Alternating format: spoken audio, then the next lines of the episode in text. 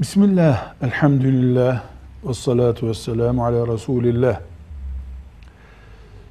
İlim ümmeti, okuma ümmeti, düşünme, tefekkür ümmetiyiz.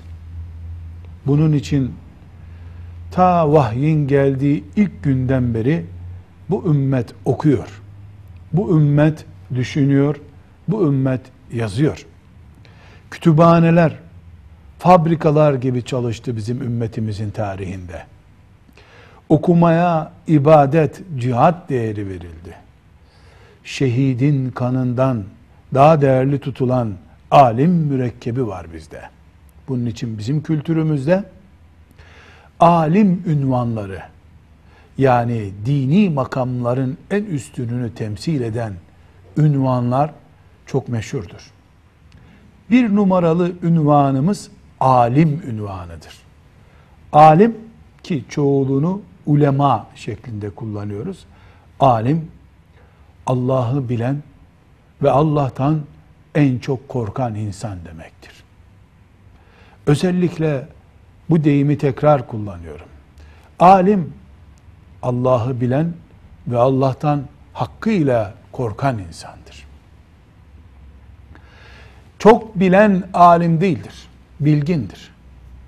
Biz alim deyince Allah'ı ve onun dinini en iyi bilen, gereği gibi Allah'tan korkan ve ümmete kendinden aşağıdaki tabakalara örnek olan insanı kastediyoruz. İkinci ünvanımız muhaddis. Muhaddis Peygamber aleyhisselam efendimizin hadisleri üzerine uzmanlaşmış alim demektir. Binlerce, on binlerce hadis bilen, hadisleri bize ulaştırmada emeği olan insan muhaddis olarak anılır. Müfessir ise Kur'an-ı Kerim'in derin ilimlerine vakıf olan, tabii ki Kur'an-ı Kerim'i de ezber bilen ama Kur'an ilimleri üzerine uzmanlaşmış insan demektir. Ona da müfessir diyoruz. Kari diye bir alim ünvanı var bizde. Kari, Kur'an-ı Kerim'i çok iyi ve farklı rivayetlere göre okuyabilen kimse demektir. Fakih ve çoğulu fukaha olan bir kavramımız var. Hadis, tefsir, akide gibi diğer bütün ilimlerin hepsinden Müslümanın günlük hayatı için gerekli incelikleri çıkarabilen, ilmin pratiğini İslam toplumuna kazandıran ilim dalına fıkıh deniyor. Bu işi yapana da fakih adı veriliyor.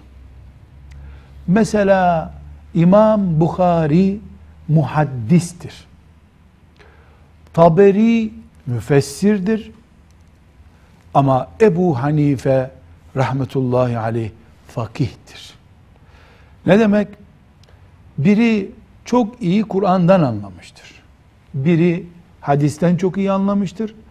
Biri olan Ebu Hanife de rahmetullahi aleyh hepsinden anlayıp bize en kolay yarayacak şekilde kullanılır hale getirmiştir. Bir de şeyh kavramı vardır. Bizim günlük hayatımızda şeyh bir tarikatın başındaki büyük olarak kullanılmaktadır. Ama asıl İslam literatüründe yani geçmişimizde şeyh kelimesi bir konuda uzmanlaşmış, büyümüş şahsiyet demektir. Mesela Şeyhül İslam deniyor. İslam'ın en büyük adamı demek. Ve bir ünvan daha var. Müctehit. Müctehit içtihad edecek düzeydeki büyük alim demek. Ebu Hanife müctehittir. İmam Şafii müctehittir. Bu seviye yani müştehitlik seviyesi alim olmanın da çok üstünde bir seviyedir.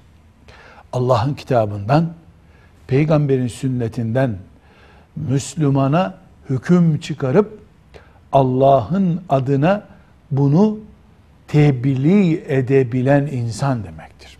Belki de peygamberlik ve sahabilik seviyesinden sonra Müslümanların gözündeki en büyük makam müçtehitlik makamıdır. İlim seviyeleri itibariyle.